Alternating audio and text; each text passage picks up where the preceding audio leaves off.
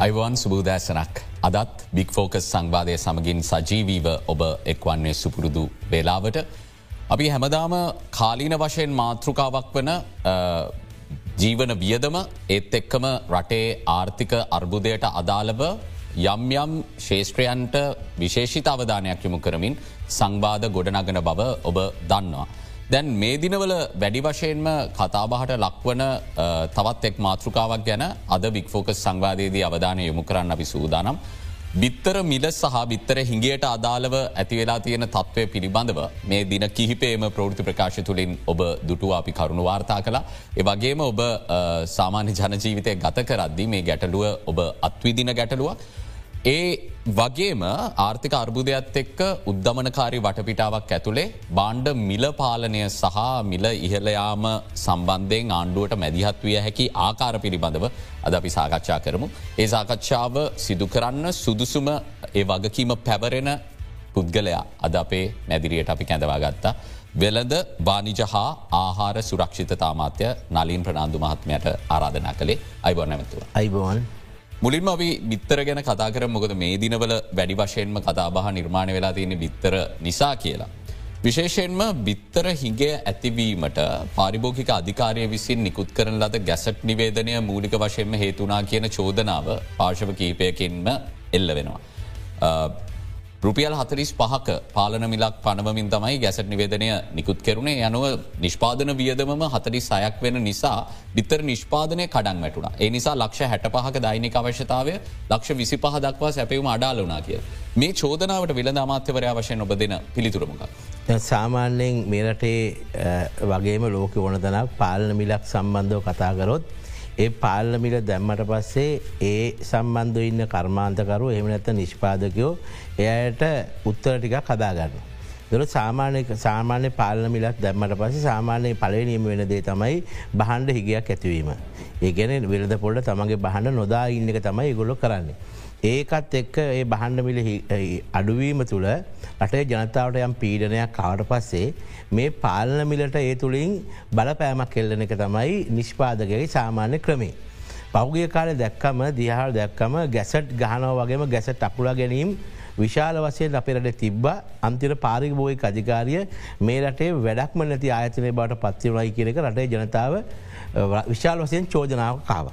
නමුත් මම වෙන දමාත්‍යරය වශයෙන් පත්වනට පස්සේ මේ ගැසට් එක ගැසට් එකයි ගැහවේ මේ බිත්තර සඳහා. මම දන්නවා අපි අමති තමුන්නාසල සිරුදිනා දන්නවා මේ රටේ තිබ්බ අරබෝධකාරි තත්ත්වත් තුළ ආර්ථිකය සහ ඒ තත්ත්වය තුළ විශාල වශයෙන් මේ ආහාර සහ ආහාර සුරක්ෂිතාවය සහ ආහාර මදිකම.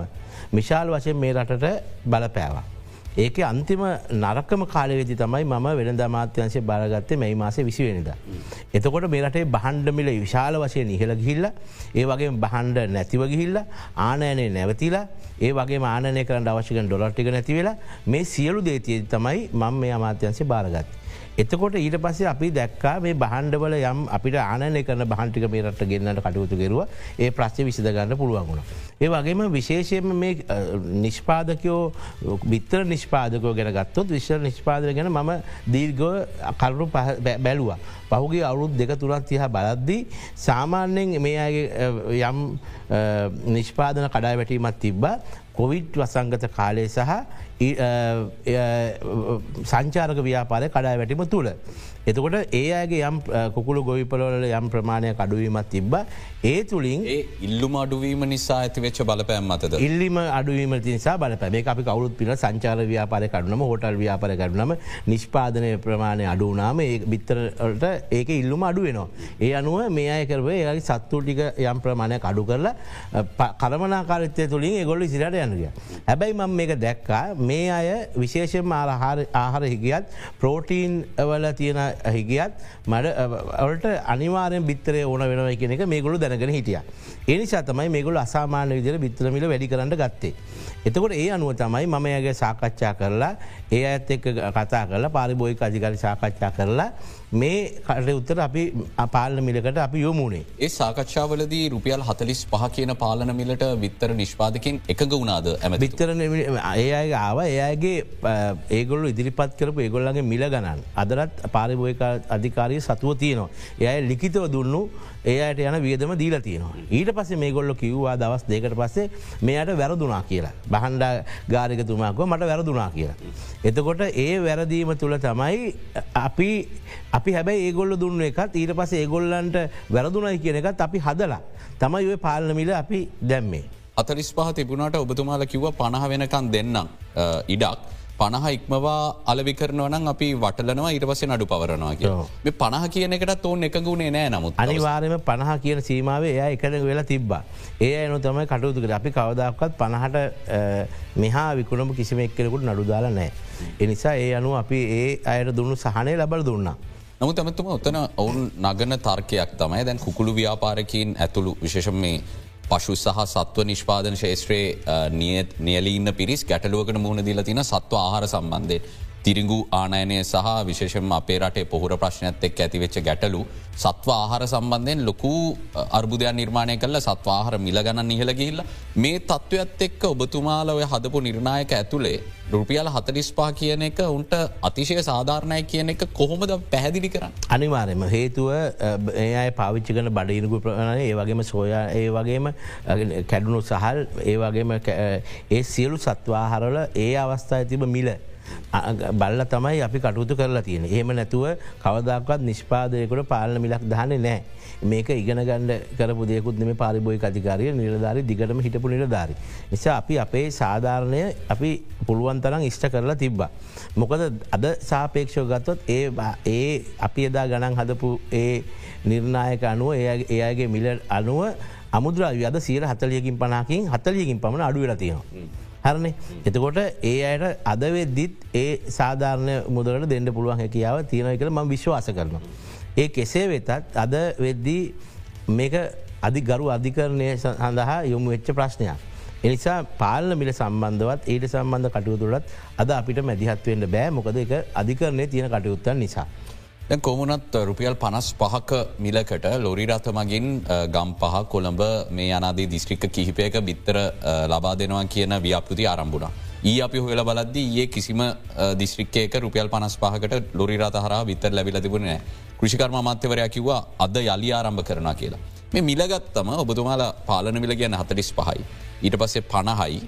ඇයි ආණ්ඩුවත් දෙන එක මැදිහත් වෙලා දෙන එකත් පනස් පහටදේ. එක තම එක මගේ කිසිම මැදිහත්වීමක් නෑ. ආණ්ඩුව විදිහට මේකට මැදිහත්වයනවා වෙළඳ අමාත්‍යතුමාලය සහ වෙළඳ අමාත්‍යංශල මැදිහත්වයෙන් ඕන. වෙනේ වනෙමෙනෙ එතකොට දැන් මට ඒක නීතිය හමුවට කියන මට මැදිහත්වයෙන්ට බෑ. මගේ සීම ඉවර තුළ මම බිත්තරවලින් මම පාරිබෝය අධිකාරියත් මමත් තාවකාලිකව අයින් වුණා. ඒක මොකද ඊළඟ නඩුදින වෙනකං ඒ ගරු අධිකරන තීන්දුවක් කෙනක අපිට ඒ සම්බන්ධ කටුතු කළ බෑ. දැන් මේකේ පැමිණිලිකාරෝ තමයි දැන් මේ වැඩට බැහල තියෙන. ඒකන තමන්ම තේරුම් ගත්තා තමන්මට මේ කරගන්න තිබෙක නැති කරගත්තා කියන. දොර රටේ ජනතාව විශාල වසයෙන් මේකට බල පෑමක් අයිය මම විවාහ උත්සවයට ගියා. මේ ඒතන ඉන්න අය මට මේස රඳගහලා වැඩිහිටියෝ කියනවා බිත්තරවලට මොහරි කරන්න බිත්තර අපිට ගණඩනය කණ්ඩ අමාරුයි කියලා. මංකව මට කරගන්න දෙයන්න නමුත් ම බලන්න අංකින මට ඒ අයට හෙම කියන්න බෑ. නමුත් මම ඒ වෙද්දී මගේ පැත්ත මම අපිතව බැලුවට පස්සේ ඔබතුමාතම වෙල දමාත්‍යවර බොම වෙළඳ ශේත්‍රය තුළ අදැකිම් ගණනාවක් තියෙන කෙනෙක් සතුසේ සභාපතිවරය විදියට වැඩකරපු කෙනෙක්. තොට ඔබ ඇවිල්ලා මේ ආහාර හිංගය යනාදී ප්‍රශ්න හමුවේ අපි දැක්ක රාමුවෙන් පිට යම් යම් තීරණ අරං මැදිහත්වෙනවා. ඉන් මේ වෙලාව දැම්මට කරන්න දෙයක් නෑ කියන එක අපිට ප්‍රශ්නාර්ථය. රටම බලාගෙනහිටියන විශේෂයෙන්ම අපි කවුරුත් ඔබතුම අපි කවරුත් දන්නවා මේ රටේ අධිකරණයට ගියාට පස යම් ප්‍රශ්නයක් ඕන අවස්ථාවක් අධිකරණයෙන් බේරගන්න එක තමයි අපේ අපිට කරන්න තින එකමදේ. එතකොට නමුත් මම බිත්තරේ සම්බන්ධව මේ තීන්දුව හිටියට අනිකුත් සෑම බහන්ඩයක් සම්බන්ධවත් අවශ්‍ය කරන දේවල් සම්බන්ධ ම මගේ වගකීම සීයට සීයක් මම ලබාගන්න පුද්ජලයෙක්. විශේෂයෙන්ම වෙන දැමතිකමක් සාමාන්‍ය තත්වකත් ගත්තත් මිනිකුට හොඳක් අහන්ට බෑ. නමුත් පහුගේ කාල තිබ තත්ව තුළ ම අරගන මේක සමනය කෙරුවයි කියන එක රටේ ජනතාව දන්න. විශේෂම බඩුවිල ගියා ගත්තොත් පාම්පිටි කිලුව රුපියල් හාරසිල් හාරසය විසි පහට යද්දි අදම රුපියල් දෙසේ විසිපා දෙසිය පහතත් මෙතර ගෙල්ලා තින පරිප්පුගලයා රුපියල් දෙසිය පහකින් අඩු කරලා තින සැමන්ටිල්ය රුපියල් දෙසිය පහකින් දෙසිය හැත්තෑවකින් අඩු කරලා තින සීනිකුල රුපියල් එකසිය විසි පහකින් එකසිය තියකින් අඩු කරලා තියෙනවා පහුගේ මාස හයට සාපේක්ෂෝ. මම කියන්නේ ඒත් ම වෙනද ඇමතිවල වශයෙන් වුණත් ම වගකීම් බරන මිලතිරි අඩු එන්ඩෝන. අපි පෙර පැවති මිලක් තිබ අවුරුද්ධකට ඉස්සෙල්ල. රටේ ජනතාවට ඒ ආදායමතිය දේ බඩු මිලත් වැඩි වුණා. එතොට මේ රටේ ආදායම අඩුවෙද්දි බඩුමිල තවත් අඩුවෙන් ඕනයි කියරක ම පිළිගන්නවා. හරි නමුත් නමුත් ප්‍රශ්න තියෙන්නේ මේ බිත්තර සම්බන්ධව ප්‍රශ්නය මේ බිත්තර නිෂ්පාදකෝ කියන යම් කොටස විශාල දේශපාලන සම්බන්ධකන් තියෙනවා. හරන විශාල දේශපාලන සම්බන්ධක විශාල අනිකුත් සම්බන්ධකම් පවත්වගෙන මේක හැම එන අයටම ඇමතිවරුන්ග සම්බන්ධ කරගන්න මාං හිතරයි සම්බන්ධුන් නැත්තේ. එනිසා මට ඕන වනේ රටේ පාරිභෝගිකයට මේ අවශ්‍යතාවය දරාගණඩ පුළුවන් මිලකට බිත්තල්ල බාදීම. දැන් කෘෂිකර්ම මාත්‍ය මහින්ද අමරවීර මහත්ම මේ ව්‍යාපෘති ආරම්භ කරදදි රුපියල් පනස් පහකට ලොරිරතමගින් ලබාදෙන් ඔබත් එක සාකච්ඡා කලේ නැද මේ ගැන කිසි විටක? මාත්‍යක කිසිමිලක සාකච්ඡා කරේ නෑ. කෘෂිකර්ම ඇමත්වන ගැන මගේ හිතවතෙක්. නම කැමිනට සාමාජික ඒ ගැන කිසි ප්‍රශ්නයන් නෑ. එතුමට බිත්තර අඩුවට පණහට නෙම රුපියල් පතලියට නෙමේ තිහට දුන්නත් මම කැමති. හැබැයි එකම දේ තියෙන මම මම දන්න මගේ තියෙන අත්දැකීමත් මම දන්න මේ වෙනදාම තුළනං ඔය කියරන පිස්සු පිස්සු වැඩ කිරීම තුළින් තවත් මේකට අපේ තින අනිකුත් බහන්ඩුවලට මේක බලපෑම සිදුවෙනවා. මේ සාමාන්‍ය මේක තින හැම බහන්ඩ කරම සම්බන්ධවීමක්. එතොර මේ තුළ බිල වැඩිවීම මට අනිත් පාරිභෝග බහන්්ඩවලට මේක බලපානෝ. හරණ එනිසා මම කියන්නේ මේ පිස්සු වැඩ නැවත්තුවොත්. විතරයි අපිට මේක පාලනය කරගන්න පුළුවන් කවදක්වල් ලොරියොලින් බඩු බෙදලා මේ රටේ බොරි පනහක්කරි ලොරි විස්සක් කරි ඇවිල්ල හන්දි හන්දිගාන බිත්තර විකුල්ල බිත්තර මිල පාලනය කරන්න බෑ. මේක අපි තේරුම් ගණඩ පෑ මම තරහකක්වත් මොකුත් නෙමේ කරන්න බැරි දේවල් කරන්න ගියාම අපේ මුළු වෙනද පොලත් ඒ වගේ මේ සිිස්ටම් එකත් කඩනවා. අරන එක්කෝ ඒ දුන්නු මිලට විකුණගෙන හිටිය නම් පාරිභෝගිකයන්ට ඒක අමාරුව දන්නත් මේ දැම් පාරිභෝගිකයට අමාරුව ද්‍රෝහිකමත් කළ තම නාඩගමුත් පෙන්න්නනවා ජො දෙකක් වෙනවා. හරන එතකොට පාරිභෝගය තවත් පල්ල හැටදානවා. මම කියන්නේ දැන් තියන මිලේ හරි කී හරි මිනිසුට පරිභෝගයට බිත්තර ටික දීලා නාඩගන්න නවත්ත ගත්තන ඇති. ඔබ කියන බාණ්ඩමිට තවදුරට අඩුවිය යුතුයි කියලා ඒක මහිත රටේ සියලුම දෙෙන එකඟ වෙනවා අඩුවිය යුතුයි කියන එකට. නමුත් දැන් මේ පවතින සන්දර්භය තුළ පසුබීම තුළ බාණ්ඩමිල අඩ්ඩු වෙන්නට එරෙහිව සාධක ගණනාවක් තියෙනවා. තොට ඔබ කියදි තවදුරට අඩුවෙන්න ඕනෙ කියලා. එක සැලසුමක් සහිතව කියන කතාවක්ද අපිට විස්තර කරන්න ගුණ. අනිවාරම හේතුව අපි පහුගේ කාල තිබ බඩුමිට මංකව සාපේක්ෂ බඩුමිල අඩු කරගන්න හැකියාව තිබේ අපි කරපු මගේ අපි කරපු කළමනාකාරත් තුළින්. ඒ එවල අවශ්‍ය කරන අවශ්‍ය කරන ඩොලර් ප්‍රමාණයක් ඒ වගේ බහන්ඩවල මිල වැඩිවීම අන්තර්ජාතික වශයෙන් ඒ තියනවත් එක් අපි කළමනා කරණය කරලා තමයි මේ තත්වයට බඩු මිල අඩු කරගත්. දැන් ඉතුරු ටික තියෙන රටේ ආර්ථිකය ශක්තිමත් වීම තුළත් ඒ වගේ මේ රටේ තියෙන උද්දමනය කොච්චර පල්ලහට ගේට පුළුවන්ද ඒ වගේ මේ රටේ ඊළඟට තියෙන නිෂ්පාදකයට වගේම ආන ආනයකරුවන්ට ලබාදිල තියෙන බැංකු පොලිය කොච්චර ප්‍රමාණය අඩුවෙන් ඕනද ඒ සියලුදේ කළමනා කරණය කරගත්තොත් අපිට විශාල වශයෙන් බඩුමිල අඩු කරගන්න පුළුවන්. නමුත් දැන් ජනවාරයේ තවත් සියට හැත්තෑවක විදුලිබිල වැඩිවීමක් අන්ඩුව පැතේ දැඩි සාවරකින්නක ඒක තිබ නැත්තම් පැවිසි අතරම කණ්ඩව විදුලිය දෙන්න බෑ කියලා. සියට හැත්තෑවක වැඩිවීමක් කියන්නේ දැන් අගෝසුමාසේ සියට හැත්තෑවක් වැඩි වුණා. එතකොට මෙවැනි විදුලිය වැඩිවීමකදී ඒක පාරිභෝගික බාණ්ඩ කෙරෙහි දැඩි ලෙස බලපාන්නට හැකියාව තියෙනවා. අනිවාරෙන්ම නමුත් එක සාධකයක් පමණයි. නමුත් අපිට අනිකුත් සාධක අපිට කළමනා කරණය කරගන්න පුළුවන් නං. අපිට යම් ප්‍රමාණක මිලාඩු කිරීම කරගන්න පුළුව විශේෂයම රට නිෂ්පාදන වැඩිවෙන්න ඕන.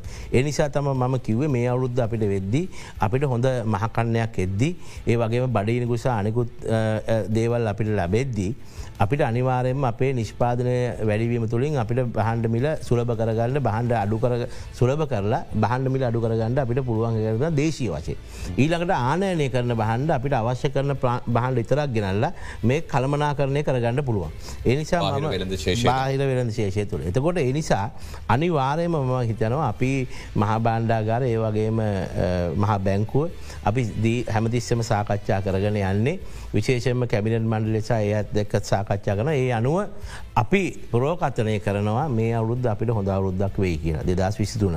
ඒ අනුව අපිට යම් බහන්්ඩවල මිල විශාල වසයෙන් අඩු කරගණ්ඩ පුළුවන්කමක් තියේ කියලම විශ්වාස කරනවා.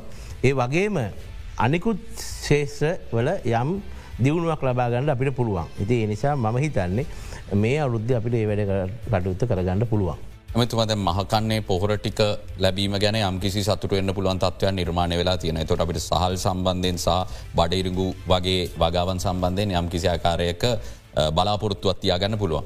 නමුත් මේ විශේෂම සහල්වලට පරිබාහිරව සෙසු බෝග වගා කිරීමේදී ගොවීන්ට යම්කිසි ආකාරක මාර්ගෝපදේශයක් සැපීමක් වෙනවාද නැත් අපි දැකලා තියෙනවා.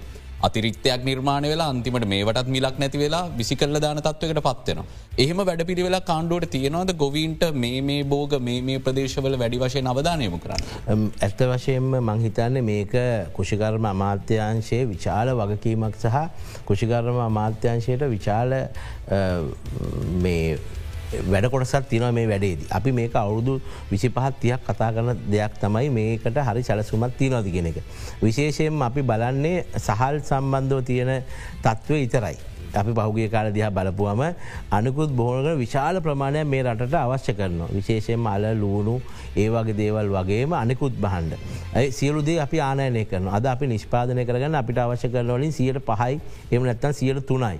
තුර අපිට ඇයි අපිට මේක තව සියට පහලෝකින් විස්සකින් වැඩි කරගන්න වැඩ පිල්ලක් නැත්ත කියන එක. එතකොට ඒ අනුව ඒ අපි ගෙන්නල ආනයනය කරන බහන්ඩටික අරගෙන ඒකෙන් යම් ප්‍රමාණයක දේශය නිෂ්පාදනය කරගන්න පුළුවන් වැඩ පිල් හදාගතු අපිට හරි.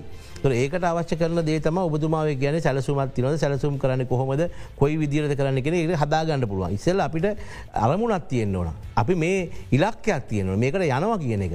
ඒක මම හිතන්නේ ඒ වගේම ඒක තමයි විශේෂම ජනාධිපත්තුවා මේක බරක පතලකම දන්න. එනිසා තමයි ආහර සුරක්ෂිතා වැඩ පිල්ල ජනාධිපත්තුමා කුෂිකරම අමාත්‍යන්සයත් අනිකුත් අමාත්‍යන්ස සම්බන්ධ කරල වැඩ පිල්ල ජාතික වැඩ පිල්ල පටන්ගත්. ඉති ඒ නිසා ඒ ජාතික වැඩ පිල්ල අද පටන් ගරන්තිනවා. ඉති මංහිතන්නේ අනිවාරයෙන්ම මේ නිෂ්පාදන වැඩ පිළිවෙල ඉස්සරහට යනවා. ඒ වෙද්දි ඊළඟ යලකන්නේ සහ මුළු අවුරුද්ධ පුරා මේ ටික අපිට ගියොත් මේ අවුරුද්ධ අවසාන වෙද්දි අපේ සම්පූර්ණම අපිට අවශ්‍ය කරන බහන්ඩ වලින් ඒ කියන කුෂි නිෂ්පාදන ඒ වගේම පසු සම්පත් ඒ වගේම දීවර මේ ශේෂ තුනම අපිට ආවරණය කරගන්න පුළුවන් වුණොත් මේක වාසියන්නේ පාරිභෝගිකයට සහ රටට නිසා අපි වැඩපිල්ල අනිවාරයෙන්ම ක්‍රියාත්ම කරනවා. සතුස ගැන කතා කරද්දී සතුස අවස්ථා තුනකදී. බාණ්ඩ හතක මිල ගණන් අඩු කර අමාසයක් ඇතුළේ අවස්සත් තුනක් සුදුසීනී ආනයනික අර්ථාපල් බීලූුණු රතු පරිප්පු යනදී බාණ්ඩ හතක්. අවස්ථත් තුනකදී සති තුනක මෙහෙම අඩු කරද්දී කෙනෙකුට තර්ක කරන්න පුළුවන් නලින් ප්‍රනාන්ද උත්සා කරන ම බාණ්ඩමිල අඩු කරනවා කියන කාරණය ජනතාවට දැනෙන්න සලස්වන්. නැතම මේ එක සැර අඩු කරන්න තිබන සතියෙන් සති අඩු කරන්න කියලා මොකක් දේකට කිය. නෑ ඒක සතියෙන් සති අඩු කරගත්ත අපේ මේ අපිට වාසියක් ගන්න නෙමේ අපි හිතල හෙමකිරුවත් වාසියනවනම් පාරිභෝගිකට ඒකත් එකක්. තුර මාව අමතක වෙයි කවධාරි නමුත් මිනිස්සුන්ට ඒ වැඩ පිල් හොඳන ඒකට යනවනම් ඒකත් කමන්න. ඒ කෙසේ වෙතත් මම හිතන්නේ දැම් බහන්ඩ මිල අපිත් මේ බහන්ඩ ලබාගන්න සති එකට අවශ්‍ය කරන බහඬ ලබාගන්නවා ඒ අනුව තමයි අපි මිල තීන්දු කරන්නේ. නිසා මේවා අත්‍යවශ්‍ය බහන්ඩ ගැන සේරම එදිනෙදා අවශ්‍ය කරන ප්‍රමාණවල විශාල් ප්‍රමාණ ලබාගන්නවන සතුසට. ඉති ඒ වෙද්දි සතියෙන් සතියට අපිටෙන මිලත් එක්ක තමයි අපි ඒක පාරිභෝගිකයට ඒක ඒ සහනය ලබා දෙන්නේ. අපි ගන්න ආනයනක වෙළඳ පොළවල්වල බාණ්ඩමිල අඩුවීමක් එවැනි ප්‍රවණතාවක් තියෙන දම අඩුවීමක් හිතරක් නෙමේ විශේෂයෙන්ම අපේ රටේ තිබ්බේ මේ ඒ වැඩිවීමටත් වැඩිය අන්තර්ජාතික වැඩීමටත් වැඩිය මෙහ ඩොලර එකට සාපේක්ෂ ඒ මුදල වැඩීමටත් වැඩිය අසීමිත ලාභයක් ගත්තා. හරිනේ එතොර ඒ වෙළඳ පොල සමතුලිත්තාවේ බිඳුන් නිසා. මම කරේ වෙළඳ පොල සමත්ව නැවත ඇතිකිරීම පමණයි. ඒ කරන්න අවශ්‍ය කරන ප්‍රමාණය ලංකාවට ගෙන්න්න ගැනීම අවශ්‍ය කරන ප්‍රමාණය ලබාගණඩ බැරි හේතුවලට විසඳුන් ලබාදීම ඒ හරහා කරන ආනෑනය කිරීම් හරියට කළමනා කරණය කිරීම පමණයි. එකැන හිගේට බෙහෙත් කරට පස්සේ වෙළඳ පොල විසින් අනිසිවලද කරගන්නවා. ඒක තමයි පලනිදේ. මේක වෙන ඒවා අරංගිහිල්ල බඩු පෙන්න්න පෙන්න්න ගණන් අඩු කරන්නකිවට මට අඩු කරන්න බැහැ. එතුර මම ඒ අඩු වෙන හේතුටික අඩු නොෙන්ට හේතුටි කරගෙන එකට ප්‍රතිකාරම කෙරොත් ඉතරයි මේ රට මේ මාකට් එක කියනදේ හැමතිස්සම වෙනස් වෙන්ඩ පුළුවන් හැබැයි ඒකට අවශ්‍ය කරන දේවල් ටික වෙළඳ මාත්‍යර වශයෙන් මම කළමනා කරණය කර ගන්න ඕන. ඒක තමයි කරන්නේ. දැම් ඔබ ඔබ වෙලද අමාත්‍යවරය විතරක්නේ මං කලින් කිව්වාගේ වෙළඳ ශේත්‍රය අදැකිම් තියෙන කෙනෙක් නිසා මේ සාමාන්‍ය මහජනතාව දරණ මතයක් ගැන මට ඔබෙන් ප්‍රශ්න කරන්න ඕනේ කැන බොහෝ දෙනෙක් හිතන කාරණයක් යම්බාණ්ඩයක මිල වැඩි වෙද්දි. ඇයි ආණ්ඩුවට මේකට පාලන මිලක් දාන්න බැරි කියන කාරණය ජනතා විදියට එන සාමාන්‍ය ප්‍රශ්නයක් වෙනවා. වෙළඳ පොළ හැසිරීම සහ මේ ක්‍රියාකාරීත්වයත් එක්ක මේ පාලන මිල සෑම බාණ්ඩයකට පැනවීම අපහසුවෙන් ඇයි කියනෙක් ගැන ඔබ පැදිලිකරු. දැන් පේරන පාලමිල දාපුව මොකද වෙන්න කියන එක පාලන මිලත් එක් අපිට විශාල අනෙකුත් ගැටලුවට අපිට මුණ දෙන්න වෙනවා. දර මේ පාර්ශව දෙකක් තමයි මේ සම්බන්ධව කටයුතු ගන එකක් ඒ පාලමිට යටත්වෙන අය අනිත් අය අනිත් පැත්තේ සහනය ලබන පාරිභෝගික ජනතාව. එතොට ඕක හැමදිස්සම කියන පාරිභෝගික ජනතාව ලක්ෂ දෙසිය විස්සක් ඉන්නවා හදන ඉන්න පණහයි හැටයි ඇසීයි දෙසියයි ඇයිවා අද පාරිභෝග්‍ය පැත්තගන්නතුව නිෂ්පාදනය පැත්තගන්න අරිටමාරි හරි. එතකොට දැන් නිෂ්පාදකය කියන අයත් අපේ රටේ නිෂ්පාදනට අවශ්‍ය කරන කොටසක්. එතකොට ඒ අයටත් අවශ්‍ය කරන පහසුවන් අපි ලබා දෙන ඒයවත් අපි ආරක්ෂා කරගන්න ඕන ඒක වගකීම සියයට හැටක් ඇත්ත මටත් තියෙනවා. එයයි විනාශ කිරීම නෙමේ.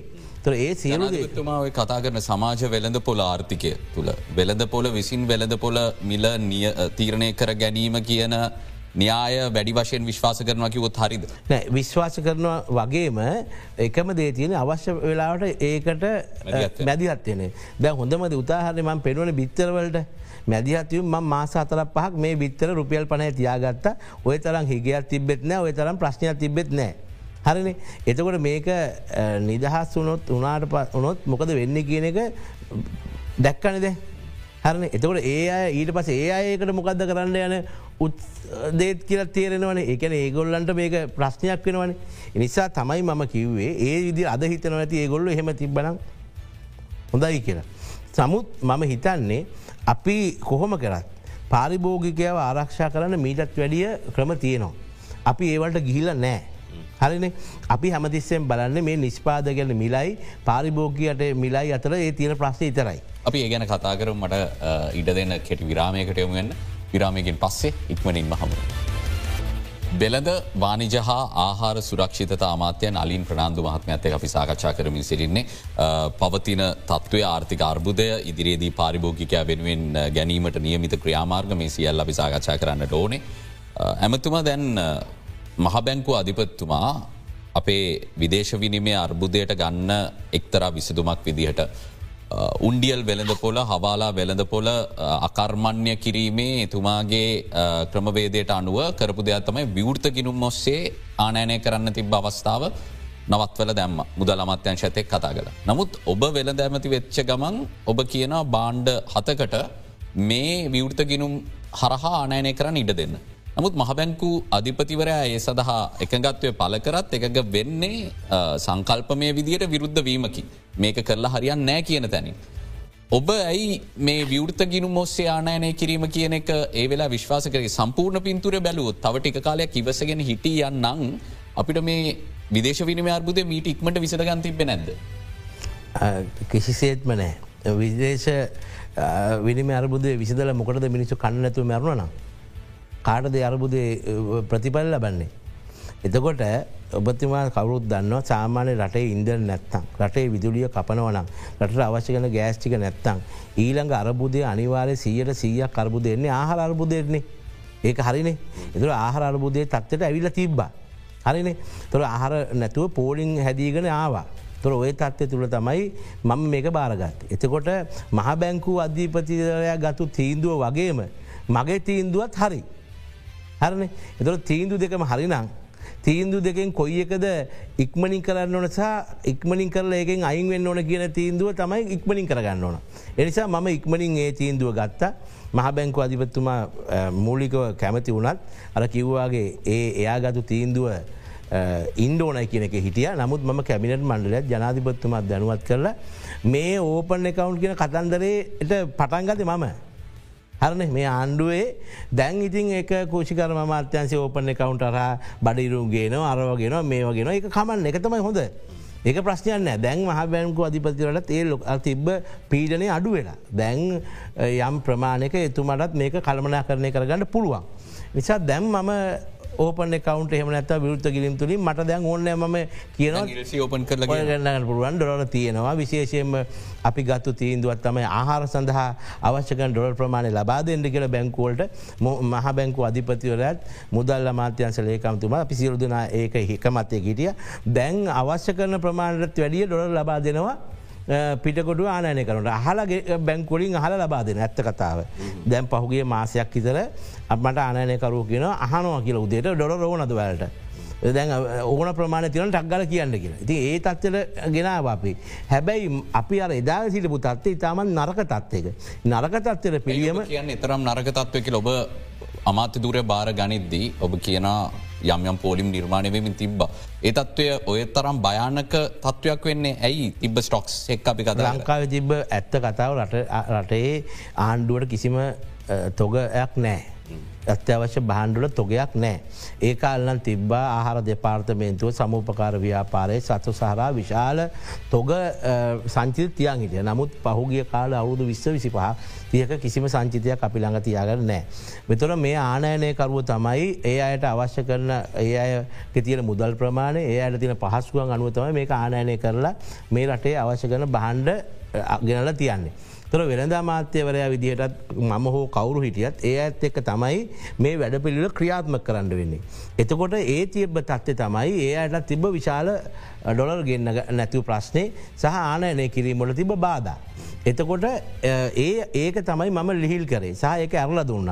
එතකොට ඒ ඒ කටයුත්ත තමයි මොකද මම එහෙම කරන්න කෙරුවේ ලංකාව තිබ තොගතත්වය පිළිබඳ මට වැටහීමත් තිබුණ නිසා. හරිද ඒකද මම මේක දිනේ මෙච්චර දින ගාන්ට අරදාන්ට කියන්න මට බැහැ වගකීමක් තියෙන පුද්ජලෙක් වසයෙන්සා ඒ වගකින් මම ගණ්ඩෝන. තුර මම දුන්නු ප්‍රතිඥාව තමයි ජනාධිපත්තුමාටත් ගැමිනට මණ්ඩලත් මම ගත්තම මම මේ වගකීම ගන්නවා. මම කන දෙන බලාගන්නම් ඉතුරු ටික මට බලන්න බෑ මම මේක කරන්නම් කියලා. තින් මම ඒක කරා. නිසා දැන් අපිට සියට අනුනමය දසම නමයයි නමය නමයම්ම රටේ මිනිස්සුන්ට අවශ්‍ය කරන ආහරටික ඒවාගේම නිෂ්පාදන වැඩ විලියල අපි අරන්න දැන් අපිට අපේ ප්‍රශ්න අඩුයි. දැන් තරම විවෘතකිරු මෝනෙත් නෑ විවෘත කිරීම අවශ්‍යය නෑ ඇත්තරම අවශ්‍යවෙන් නෑ දැන් අපි මේටිකෙත් පාම් පිටි සඳහා විවෘත කිරීම යතින ඉල්ලන්නෙත් නෑ ඉතිේ ගැන අවශ්‍යකන ඩොල ප්‍රමාණය තියනවා. තම සුබදායි ප්‍රෘතියක් මයිතන අපිට ඇහෙන්නෙම රිනාත්මක දේවල නිසා. මේ වෙලාවේ කැන යම් තාක් දුරකට රටේ විදේශ විනිමේ අර්බුදය යම් කිසි යහපත් දිශානතියකට හැරිල තියෙනවා කියලා අපිට කියන්න පුළුවන් කිවත් හරියමතුමනේ අනිවාරයම පලනිදේ තමයි අපිට ආහරටිකට අවශ්‍ය කරන ඩොලටික තියෙනවන. බේච්චිකට ගන්න ගන්න තියෙන ඩොලටික තියෙනවන. මූලික රටේ මිනිස්සුට ජීවත්තෙන්ට තියෙන අවශ්‍ය කරන බානටි ගන්න ගන්න ඩොලටික තියෙනවනම් අපිට එතනදී යම් සහනයක් තියෙනවා. ඒ තත්ත්ය අද පාලනය කරලා ඇතිවෙන්ඩේ අවශ්‍ය කරන දේවල්ටික තියෙනවා. තුර ඉන්දන ටික එක පලනික ඉන්දන ටික නැවත තත්වර ඒයාට ගෙනගත්තා. ඒනම් අනිකුත් දේවල්ලට අපි කාලයක් ඇතුළත රටේ ජනතාවට මේ දේ කරන එක අපේ යුතුකම අපේ වගකීම. ඒ වගකීම අපි කරන්න බැඳිල ඉන්නවා. ඒකෙදී වෙන වෙන දේවල් කතා කල වැඩක් නෑ. උනාද කෙරුවද කරනවද ඒ තුළට අපිලා ගුත්තර තියෙන්නවා අත්දුටුයි ප්‍රත්්‍යක්ෂය එච්චරයි. වීලවි මණ්ඩලය ගැන කතා කරද අපි දැක් අන්තිමටකෙන් වීලවි මණ්ඩලයට වීමිලදී ගන්න මුදල් නෑ. විශාල ප්‍රශ්නයක් තිබුණ පෞද්ගලික වීමෝල් හිමියන් සමඟ තරග කරන්නට පුළුවන් ආර්ථික ශක්තියක් තියෙන් තැනගෙන මේ වීලවි මණ්ඩලින්නේ. දැන් පොහොර ලැබිලා අස්වැන්න ඇවිල්ල මොනා කරත් අපි දන්න කාරණය තමයි මේ රටේ පෞද්ගලික වීමෝල් හිමියන් රටේ සහල් මිල පාලනය කරනවා ගෙන කාරණය. ගෝටාබේ රාජපක්ෂ මහත්මය ජනාධිපති දුරේ දරද්දී වීමෝල් ඇතුළට කඩා පැනලා මේවා එලියට අරගෙන හමුදාව යුදාගෙන මේව කරන්න උත්සා කර ඒත් ඒකත් අසාර්ථකුණ. දැන් කොච්චර අස්වැන්නක් කාවත් වී මෝල් හිමියන් එක්ක මේ වෙළඳ පොල ඇතුළේ සහල්මිල අඩු තැනක තියා ගන්න මොනවගේ වැඩ පිළිවෙලක්ද ඔබතුමාලරති. අපේ තියෙන ප්‍රශ්චයත්තම අපි ප්‍රශ්නයට උත්තර තියෙන්නේ හැමදාම අවුරුදු දහයක පහලොක විස්සක තිබ්බ ප්‍රශ්නය උත්තරය දෙකම එකයි. ඊට වැඩිය වෙන මුත්තර ලියන්ට කැමති නෑ උත්තර හොයන්ට කැමතිත් නෑ. සහ වීමිලට වීමිලට උත්තරේ තියෙන්නේ වී අලවි මණ්ඩලෙන්ද ඉතරද. කියන එක ඉතරක් හිතේ තිබ ඔච්චර තමයි. තවත් වෙන විකල්ප ක්‍රියාමාර්ග තියෙනවාද. පාරිබෝ ගොවියට සහතික මිලක් ලබාදෙන්ට අවශ්‍ය කන මිල ලබාදෙන් අපිට වෙන ක්‍රම තියෙනවද කියන අපි කල්පනා කරන්නවා. මෙතනති මදයන් ඔබතුමාවකිව සහල් මාෆියාව සහල් ලොකු මෝල් කට්ටිය ඔය සියලු දෙනා ම වෙන දැමති වුණට පස හිටිය. හැබැයි ගොලන්ට ඕන විදිර හල් මිල වැඩි කරන්න දුන්නෑ ම මම සාකච්ඡා දෙකක් දිල තින සාකච්ඡා දෙකේම රටට ඕන තීන්දුව සහ පාරිභෝගයට ඕන තීන්දුව මම ජයග්‍රහණය කරලා දුන්නා. ඒ කියන්න ඒගොල්ලගේ පරාජයක් නෙමේ. අපි මේකට අවශ්‍ය කළමනාකරණය ලබා දෙන්න ඕන. හේතුව පාලමිල වැඩි කරන්න අවස්ථාව කිලෝ මං දුන්නේ නෑ. දර පාල් ඇයි ඒගොලන්ට කරන්න බැරුගේ ගොලට සප්ලයි එක වැඩි ඩිමාන්් එක එක්ම සපලක් වැඩුන ඕන එක්කල මිල වැඩි කරන්න හදනවා. ඒක අවශ්‍ය කරන සහල් ප්‍රමාණය රටින් ගෙන්නවා. ගෙන්වට පස්සේ යායට තියෙන ඩිමාන්්ඩ අඩුනාම යායට තියෙන මිලට ඒගොලන්ට දෙන්න පුළුවන් කපතිනවා වී මිලත් යම් ප්‍රමාණකට ගනම් බැස්ස තොර ඒගොල්ලට ඒ තුළ කළමනා කරණය කර ගැනීම හැකියාවක් තිබ. එතොර දැම්මයින් හැන්ඩ පාදයන් ඔය ආපව් කරන්න හල්ගේෙන්ටද කියන එක. ඒ හල්ගේන කාලය ඉවරයි. අහන්න ගිය අහන්ඩ ඔන්න හැ එතකොට ඒ ඒ උපරිම කාල්ට ගිහිල පස්සේ දැන් ඊට පස ගොවිය ගැන හිතන වෙලා. ඒ වෙලේ පාරිභෝගිකය පස්සේ තම අංක එක වුණේ. රේකට උත්තර දුන්නට පස්සේ සමස්තයක් වසයෙන් මාත්පුර වැසියෙක් නිසා ඊළකට ම උත්තරද උදව් කරන්න ඕන ගොවිය රැක ගණ්ඩ. හරි එතොට දැන් එක මම ඉන්නවා. එහෙනම් දැන් අපි ගොවිය රැකගන්න වැඩ පිළට මුද මුදල්ල මාත්‍යන්සයත් කුෂිකර්ම මාත්‍යන්සයත් වෙන දමාත්‍යන්ස. එකතු වෙල වැඩ පිල්ල කදාගන්න. මේ වැඩ පිළල ගොයන් කපනදා උදය කරන්න බෑ. මෙ වේලාස්ලින් සැලසුම් කරගන්න ඕන. අනිත්තක ගොයන් කපනදා ජනාධිපත්තුමාට අපි ගිහිල කියල වැඩකුත් නෑ. හරනේ අපි ඉන්න ඒකට. එනම් අපි මම හිතන්න කුෂිකර්ම මාත්‍යන්සේ මුල්ල වෙලා මේකට වැඩපිල්ල හදලා ඉදිරිපත් කල්ලා මුදල් වෙන් කර ගැනීම සහ අනෙකුත් වැඩ පිළිවල මංකිව වී මිලදී ගැනීම තරන්නේ මේ වියලි මල්ලේ. අනෙකුත් වැඩ පිල්ල එක්ක මේ නිෂ්පාදක කොච්චර ප්‍රමාණයක් මේකට මිලදී ගන්නවද? ඒ අය කොච්චර ප්‍රමාණයක් ගබඩා කරනවද? ඒ ගබඩා කරන ප්‍රමාණය මාස කීයකටද? ඒ ඒ සියලු සැලසුම් එක්ක තමයි අපි කටයුතු කරන්න ඕන. නමුත් දැන් ඔය ඔය කොච්චර නිෂ්පාදකය මිලදී ගන්නවද කොච්චර ගබඩා කරනද කොච්චර කාලෙකට තියෙනවද කියද්දි. ඇතැම් රාජ්‍ය නිලධාරීන් සමහරයට හමුදා නිලධාරීන් මාධ්‍යත් ඉන්න ජනාධිපත්තුමයක සාකච්ඡාවලද ගෝටාබේ රාජපක්ෂ ජනාධිපත්තුමයි දිදදි කිව්වා අපි ළඟ හරියටම තියෙනවා මොන මෝලෙ කොච්චර වීතක තියනද කියලා හංගන්න හැදුවත් අපි මේටික ඔක්කොම එලිට ගන්නවා දත්ත ඔක්කොම අපි ළඟ තියෙනවා කියලා. දැන් ඔය යාන්ත්‍රණය හැදුනත් ඒක අසාර්ථක වේද කියලෙතෙන් ඒ වෙලා දත්ත තිබ්බායට ප්‍රශ් විසදන්න පුළුවන් උනේ නැති නිසා. දත්ත තිබ්බයික ප්‍රශ්විසිදන්නත් බෑ ප්‍රශ්න දැනගත්තය කියලා විසදන්ට බෑ. ඒ බලන ක්‍රමේ වෙනස්නේ. ද ව්‍යාපාරිකයෙක් වශයෙන් මගේට දැනුමකුත් තින ම අවුරුද් දහ දොලක් සතු සභාපතිරලත් තියෙන අද වෙන දැමතිරත් තියන තොට මට තියෙන මට මේක අත්දැකීමත් තියෙන. එතකොට අපි දන්න කාලක මේ ස්ටෝක තින ස්ටොක් එක කියෝක ඉදල වැඩන්නෑ මේ අයට ඒ තුළින් සෙල්ලං කරන්න පුළුවන් ප්‍රමාණය අවම කිරීම තමයි අපේ ජොබ් එක. නැතුව ගිහිල්ල ද මටත් පුළුවන්න්නේ පැනලා ගිහිල් අල්ලන්ඩ කියලා ගිහිල්ල ඒව කරලා වැඩක් නෑ. ඒ අයව අපේ ක්‍රමයට අරගන මේ තියෙන ප්‍රශ්නය ඉවර කරගන්නකම් අපි කල්මනා කරන ගන්න අපිට ඕන හරි. එහෙනම් දැන් ඔය මහවීමෝල් හිමියෝ කියන අයවත් කුඩා වීමෝල් තියෙන අයවත් එක වැඩ පිළියෝකට අපි ගෙන්න්න ගන්න පුළුවන්. ඒ කරන ක්‍රමේ මිසක්. ඔය ගිහිල්ලා පැන්නයි ඉස්සුවයි ආපව් ගෙනාවයි අතෑරියයි කියනගේ මිනිස්සු මොකද උනේ දවස්වල මිනිසු ෆිල්ම් බැලුවවාගෙන කෙරුවේ මිනිසු ගීල නාට්‍ය බැලුවා. මං එකයිකිවර බිත්තරයටත් නාට්‍ය පෙන්න්නට යන් දෙපා නාට්‍ය පෙන්වීම තුළින් මේකට බලපෑම වැඩිය නෝ. නාට්‍ය අඩු කල වැඩ කරවනම් හරි. අපි රටේ ජනතාවට නාට්‍ය ඇති වෙලා තියන්න දැකල දැකලා. කොහුණත් දැන් මෙතන නිස්තරාට අද්දී ආනයනය ගැන කතා කරද්දි විදෙස් විනිමය ඉතුරු කර ගැනීම සහ අපි කොහොමද රට තුළ අපිට පුළුවන් දේවල් හදාගන්න කියන සාකච්ඡාව තිෙන. ඔබතුමාගේ වාර්තා අනුව මේ වෙදදි වැඩියෙන්ම අපි ආනෑනය කරන අත්‍යවශ්‍ය බාණ්ඩ මොනාද අපිට විකල්ප විදිට යොමුවෙන්න්න පුළන් ක්‍රමවේද මොනාද. අනිවාරෙන් අපි මේ අවුරුද්දෙදි හාල්ලොලින් සුවන් පෝචිත වෙනවා. හරන දෙදා ශිස්තුන වෙද්දී හාල්ලොලින් අපි සුවන් පෝෂිත වෙනවා ආපව් නැවතවාරය. එක ඉතාමත් හොඳ ප්‍රවණතාවය මොකද අපි හාලොලින් සුවන් පෝසිත රටක් අපි ඒක නැති කරගත්ත රට අපේ ගත්තු ප්‍රතිපත්ති තීන්දුල වැරද ඒ අපි රටේ මිනිසු පිළිගන්න. ඊළඟට අපිට අත්‍යවශ්‍ය බහන්ඩෝලින් සීර අසුවක් අනුවක්ම අපිට ආනය කරන්න කරන බහන්්ඩ තියෙනවා රටේ හදා ගණඩ පුළුවන්. තුර අපි ඒ සඳහා ඉලක්ක හදාගෙන ඒවට යන්ඩෝන. අනිත්තක මේකට වැඩි කාලයක් යන්න මේ සියලුම කුෂි බහන්ඩ මාස තුනේ හතරෙන් අස්සන් නිලා ගණඩ පුළුවන්. ඇයි මං අහන්නේ ඇයි මේ මාස හතර පහක මැරීගන මේකට කැපවුණොත්. ඇයි මේක අපිට ඒ තත්තර යන්න නැත්ද කියන එක. හරන ඒක තවත් ප්‍රශ්නයක් තින අද විශාල වශයෙන් අපේ පාරි අපි මෙහ නිෂ්පාදනය කරන නිෂ්පාදන විශාල මිල වැඩීමත් තියෙන. උදාහරණයක් ගත්තොත් අද අර්ථාපල් ගත්තොත් රුපියල් හාරසිය පණහයි ලංකාවේ අර්ථාපල්. රුපියල් එකසිය අසූ පහයි එකසි අනුවයි ඉන්දියාවෙන් හරි කොහෙංහරි ගෙන අර්ථාපල් තව ඩියවටියකුත් ගහලා. හරනේ එතොට ඒ අය ප්‍රවාහනය කරල මූද හරහා. හරිනේ ප්‍රවාහනය කරලා ඩියවටියක් ගහලා රටතුරට ගෙනල්ල මේ සියලු දෙත් එක්ක අඩු වෙලා. හන්න මේ අපි තේරුම් ගන්න මේක අපේ ගොවියට බැරිමන් නෙමේ එහෙනම් අපි අමාත්‍යන්සයක් වසේසා අපි සියලු දෙනා. මේකට එක තුළ විසඳුමක් ලබා දෙන මේක ඔල්ලන්ට අඩු වියදමකින් මේ නිෂ්පාදනය වැඩි කරගන්න. මෙතන නිෂ්පාදන අමුද්‍රව්‍යවල ලොකු ප්‍රශ්යන ති ලංකාව ඇතුළේ සෑමදේම මිල වැඩි නිසා. නිෂ්පාදන වගවලට අදල් විශේෂ පොහරගත් ලංකා ඇතුල දැන් ලෝකෙත් පෝරන්ගයන් නිර්මාණ වෙලා ගන්න ගන්නටිකත් රුපියල් දාදාහකට වැඩියෙන් තම පෝරමිටියක් ගන්න. එතකොට ඒ ඊටත් වඩා ගොඩක් වැඩියෙන් ගත් අන්තිමටිගේ.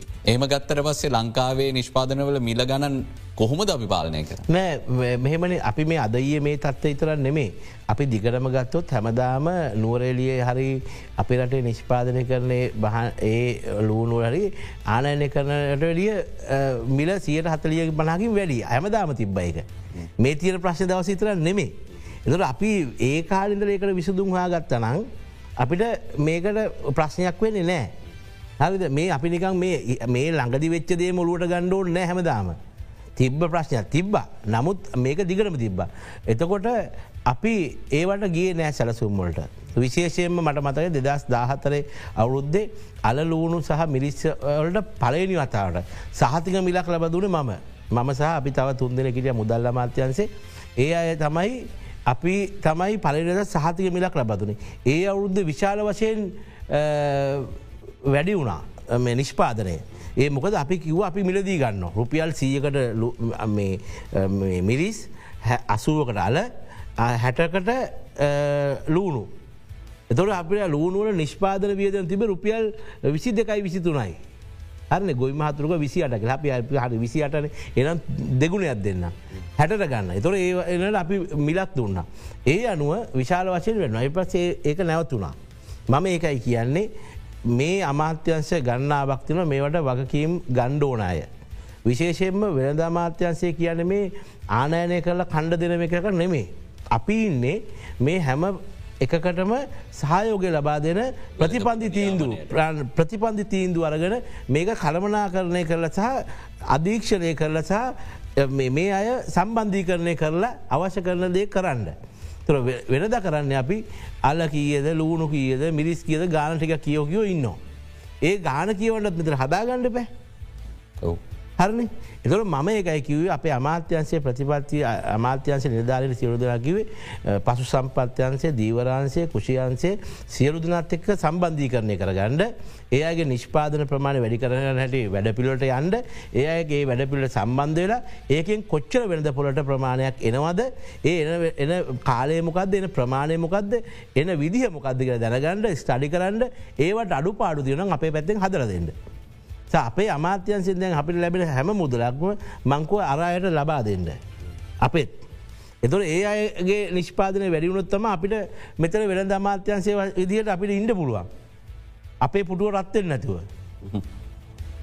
හොද අපිට තව කෙට විරාමයක් ලබා දෙන විරාමින් පසුව ඉක්මනින් මහම වෙන තව පැහදිලි කර ගැනීම කීපයක් කරන. ඔබ යළිත් බික් ෆෝකස් සමගින් ඇමතුම දැන් උද්ධමනයත් එක්ක රටේ ජනතාව ඉතාම අපහසු කාලයක් ගත කරමින් සිටින්නේ. උද්ධමනය අනිත් පැත්තට හැරිලා ස්ථාවර වෙලා තියෙනවා කියලට අපි සංඛ්‍යාලයකනත් එක්ක කතා කරට තවමත් බාණ්ඩමිල වැඩිවිමින් තියෙනවා වේගේ අඩුනාට. දැ මෙහෙම බලද්දී අපි දන්න කාරණය බිමේ අතාර්ථය ගනිද්දි බොහෝ පවුල්ලට සිද්ධ වෙලා තියෙනවා තමන්ගේ ආහාර වේලේ ප්‍රමිතිය අඩු කරන්න ඉස්සර කාපු විදිරට නෙමේ දැන්කන්නේ සරලව කිව්වොත්. දැන් බිත්තර වල තත්ව අපි කතා කර බිත්තරයක්වත් කන්න බැරි තත්වයක් ඇවිල්ලදී කුකුළු මස් ගැන කතා කරන්නම විදිහක් නෑ. කුකුළු මස් වගේ දෙයක් ගැන කතා කරාම ජනතාවගේ ප්‍රෝටීන අවශ්‍යතාවය සඳහා මේ වගේ අත්‍යවශ්‍ය දෙයක් සඳහා මැදිහත් වෙන්න. මොන වගේ වැඩ පිළිවෙලක්ද ඔබතුමාලට කරන්න පුළුවන් මේ වෙලාව. ඇත්ත වශයෙන් මර කිව්වාගේ ඔය සියලුදේ බල්ල තමයි මේ අපි බිත්තරේ සම්බන්ධ ඔච්චර මැරුණේ. එක බිත්තරයට තමයි බේරගන්න අඩුම මුදලකට ගණ්ඩ තියෙන ඔය අපි පෝටීන් අවශ්‍යතාවය කියන ඇත්තරම එලෝල් ටිකට අමතර හැම මිනිහෙක්ම මාලු කෑරක් කරි මස් කෑල්ලක් කරි බිත්තරයක්නේ ඉතුර අනිත් කෑරි ඒවලට යන්න බැයිනම්. අඩුම ගන බිත්තරයට සතියට දවස් දෙක තුනකින් හරි වේල් තුන හතරක් හදාගන්නවන ඒකන අපි බැලුව නැතුව මේ අපිට මේ බිත්තරයක් ගන්න බැරිකමක් කියන එක නෑන ඇත්ත කතාව. හරනේ. බොරු කියන්න ඔන්නෑනේ එතකොට එතකොට ඇයි අපි මෙච්චර මහන්සි වනේ කියන එක තමයි මට මම මහන්සි වෙලත් ඇයි අපිට මේ කරගන්න බරෝගිය කියන ම මට තියෙන ප්‍රශ්නහරි ඒකත් කමන්න. දැන් ඔය නිෂ්පාදන විශාල වශයෙන් මේ හැම කර්මාන්තයක්ම ඉතාමත් සීමා සහිත ප්‍රමාණයකට තමයි දැම් පාලනය කරන්නේ. හැම ව්‍යාපාරකම. මොකද හැම ශේෂත්‍රයකම. නිෂ්පාදනය කරන ආයතන ප්‍රමාණය විශාල ලොකු ප්‍රමාණය ආයතන ඒ අය ලොකු වියදම් ඉන්වස් කරලා තියෙනවා. එයාගේ ආයෝජනය වැඩි ඒ වගේ දැන් එයට තියෙන මුදල්වල තියෙන පොලිය වැඩි බැංකොලි ලබාගත්තු. ඒ වගේම අනෙකුත් සියලුදේ වැඩිවුණා මේ ගොලු අනිවාර මිල වැඩි කරන දැන් ඔය සුළු හා මධ්‍යම පරිමාණ නිස්පාදෝ කියන විශාල් ප්‍රමාණයක් මේකෙන් අයින් වෙලා. මේ අය හිටියොත් ඉතරයි අපිට අර තරංකාරිත්ව දීල ඒ ශේෂ්‍රය තුළ අපිට බඩුමිල අඩු කරගන්න පුළුවන්. ඕක තම ඇත්ත කතාව. එතොට අපි අපි දීර්ඝ කාලිනෝ බලන්ඩොට මේ නැවත සුරුහා මධ්‍ය පරිමාණ ප්‍රමාණය වැඩි කරගන්න කොහොම හම ශේෂ්‍රය තුළ බිත්තර ශේෂ්‍රය තුළ හා උකුල් මස් හා අනෙකුත් හැම ශේෂ්‍රය තුළ මේක වැඩි කරගන්න ඕන. ඒ අයට මෙච්චර වියදමක් නෑ. සහ ඒ ඒ ප්‍රදේශවලට අවශ්‍ය කරදේ ගොල්ලු නිෂ්පාදනය කරගන්නවා. හරිනි දැන් අදාපිකුත් කුල්මස් නිෂ්පාදනය කර සමාගන් දහයක් තිබ්බොත් ඒ දහය තමයි යාපනයට අරන්නෙත්. මඩකලපුට අරන්නේ තම්බන්තොට අරන්න අධිකාරය අධිකාරසා ඒකට විචාර වියදමත්තිය. නමුත් අපි කියන්ට යාපනය ඇත්තරම මේ රට ආදර්ශයක් දෙන්නේ හැම පැත්තකින් ඉලක්කං අනම් බලන්ඩ විශාල ආදායමක් ආදර්ශයක් ලබා දෙන යාපනය දිශ්ිකය ජනතාව. ගොවිය ගත්තත් පසු සම්පත්තන්සේ ගතත් විශාල මම්ලන් කෙනේ මොඩල එක හිල බලන්න ඕන අපේ අය. වෙන වෙන ගිල බල්ලෙන් නැතුව වටපිට ඒක ගිල පෙන්න්න ඕන මේ අය. අපි මොනාවනත් හරියට දෙයක් කරලා දියුණුනා නම් ඒක ප්‍රතිබල ගත්තු එක්කෙන දිහ බලන්න අනිත්‍යය කරන්න ඕන මංගතුම මෙහෙමවුදන් මේ අයවැය ගත්තත් සියල්ල ගත්තට පස්සේ අපිට පේන ආර්ථික ස්ථායිකරණයට තමයි වැඩි අවධානති. ආර්ථික ස්ථායි වුණට පස්සේ වර්ධන වේගේ ගැන හිතමගෙන් ප්‍රතිපත්තින්න. දැන් ඔබතුමාවේ විවෘත ගිනුම් සම්බන්ධයෙන් මුලින්ම රාමුවෙන් පිට හිතන්න කියල යෝජනා කරන්න දැම පොලි අනුපාතය කියන කාරණාවත් සුළු හමධ්‍ය පරිමාණ ව්‍යවසායකින් දියුණු එන්න නම් බැංකුවෙන් අඩු පොලියට අඩුම ගානේ ප්‍රාග්ධන ආයෝජනයක් සඳහා නයමුදලක් කර ගන්න පුළුවන් වෙන්න ඕන. මේ පොලි අනුපාතය කර්මාන්ත සඳහා වෙනත් අනුපාතයකට යාම මේ අවස්ථාව කරන්න පුළුවන් එකක් කියලා ඔබ හිතනවා. අනිවාරය කරන්න වෙනවා මොකද හේතුව මහ බැංකු අධිපතිවරය සමඟ අපි සාකච්ඡාවගත අපි කතා කරේ මම හැව ප්‍රශ්නය තමයි අපි දෙසැම්බර් දෙදස් විසිතුනේ දෙසැම්බරද්දී අපි හොඳ ඉලක්කං වලට අපි හදාගන තියෙන්නේ තොර ඉලක්කම් වලට යන්ඩ පුළුවන් හැකියාව තියෙනවා. හැබැයි අවසානය හොඳම ඉලක්කම ලබාගන්නකං ඉන්න නැතුව. ඒ වාසිය මැදදි දෙන්න කියන එක. හරිනේ එතකොට අපි උද්දමට වේගේ අද සියට හැටක හැට දෙක තියෙන එක අපිට සියට දොළහකට දායකට ගේන්ඩ පුළුවන්. හරින ඒක අවුද්ධ අවසාන වෙද්දී. එතුොට ඒ හා සමානව අපිට පොලි අනුපාති අඩු කරගන්න පුළුවන් නං දෙසැම්බරෙන් නැතුව කාර්තු මට්ටමෙන් හරි. අප්‍රියල් වෙද්දි හරි මැයි එද්දි හරි එහෙම මැදදි මැදිදි අපිට අඩු කරගන්න පුළුවන්න. මේක තමයි අපිට අපිට අපේ නිෂ්පාදනය වැඩි කරගණ්ඩත් අර තියන හිරවෙලා තියෙන ගති අපි නැතිකර ගණ්ඩත් විසඳුම. හැබැයි මේ සියලුදේ මහබාණ්ඩාගාරය මොකද අපි ඇත්ත ගතර අපි කොච්චර කිව්වත්. අද අපි අයF එකත් එක් ලෝක සංවිධානත් එක් අපේ අය දෙන සියරුදුනත් එක සාකච්ඡා කරම විශාල වැඩ පිළිවෙලක ඉන්නවනේ ඒක ඇතුළන අපි මේ කතා කරන්නේ ඒ අයටත් යම් යම් ප්‍රශ්න තියෙනවන නිරාකරණය කරගණ්ඩ ඒවත් එක කළමනා කරණය කරලා මේ විසඳුම ලාබාගණ්ඩ අපිට පුළුවන්. අනිවාරෙන් මං හිතන්නේ දෙදස් විස්තුරේදී අපි ඔය කියන පොලි අනුපාත අඩු කරලා නිෂ්පාදනය වැඩි කරලා දිරිගන්නල ඒකට වැඩ පිට අපිට යන්නපුල මොකද දැන් අපි ඉරවෙලා තිබ්බ විශාල දේවලින් අපි අයින් වෙලා ඉන්නේ. දැන් අපිට මේ සඳහා අපිට ඔළුව සහ අපේ අවධාන යොමු කරන්න පුළුවන්. මංහිතන දැන් ඒවලට යනවා. අර කිව්වා ගැර අයවැයේ දැන් අපිට අයවැය සාමාන්‍ය පරිදි මේක පවත්තගන ගියොත් අපි යෝජනා කරපු අයවැය වැඩ පිළිල ක්‍රියාත්ම කරගත්තොත් ප්‍රතිඵල අනිවාරයෙන්ම හොඳ ප්‍රතිබලනවා. හොද අද අපි ආරාධනා කළේ වෙළඳ වානිජ හා ආහාර සුරක්ෂිත අමාත්‍ය නලින් ප්‍රනාාන්දු මහත්මයට අපිට පැහදිලි කරගන්න බොහෝ කරුණු තිබුණ එතුමාව කලකට පසු අපි සම්බන්ධ කරගත්තේ විවින්ම සූතියන්තය නොයමැතුමට අද සහභාගී වුණාට බොහොම ස්තුති. ඒත් එක්කම අද අපි සංවාධයෙන් සමුගන්නවා එටත් කාලීන වශයෙන් වැදගත් මේ වගේ මාතෘගාවක් එක්ක සංවාධ කරන්න එකතුවමු ඔබට සුපදින.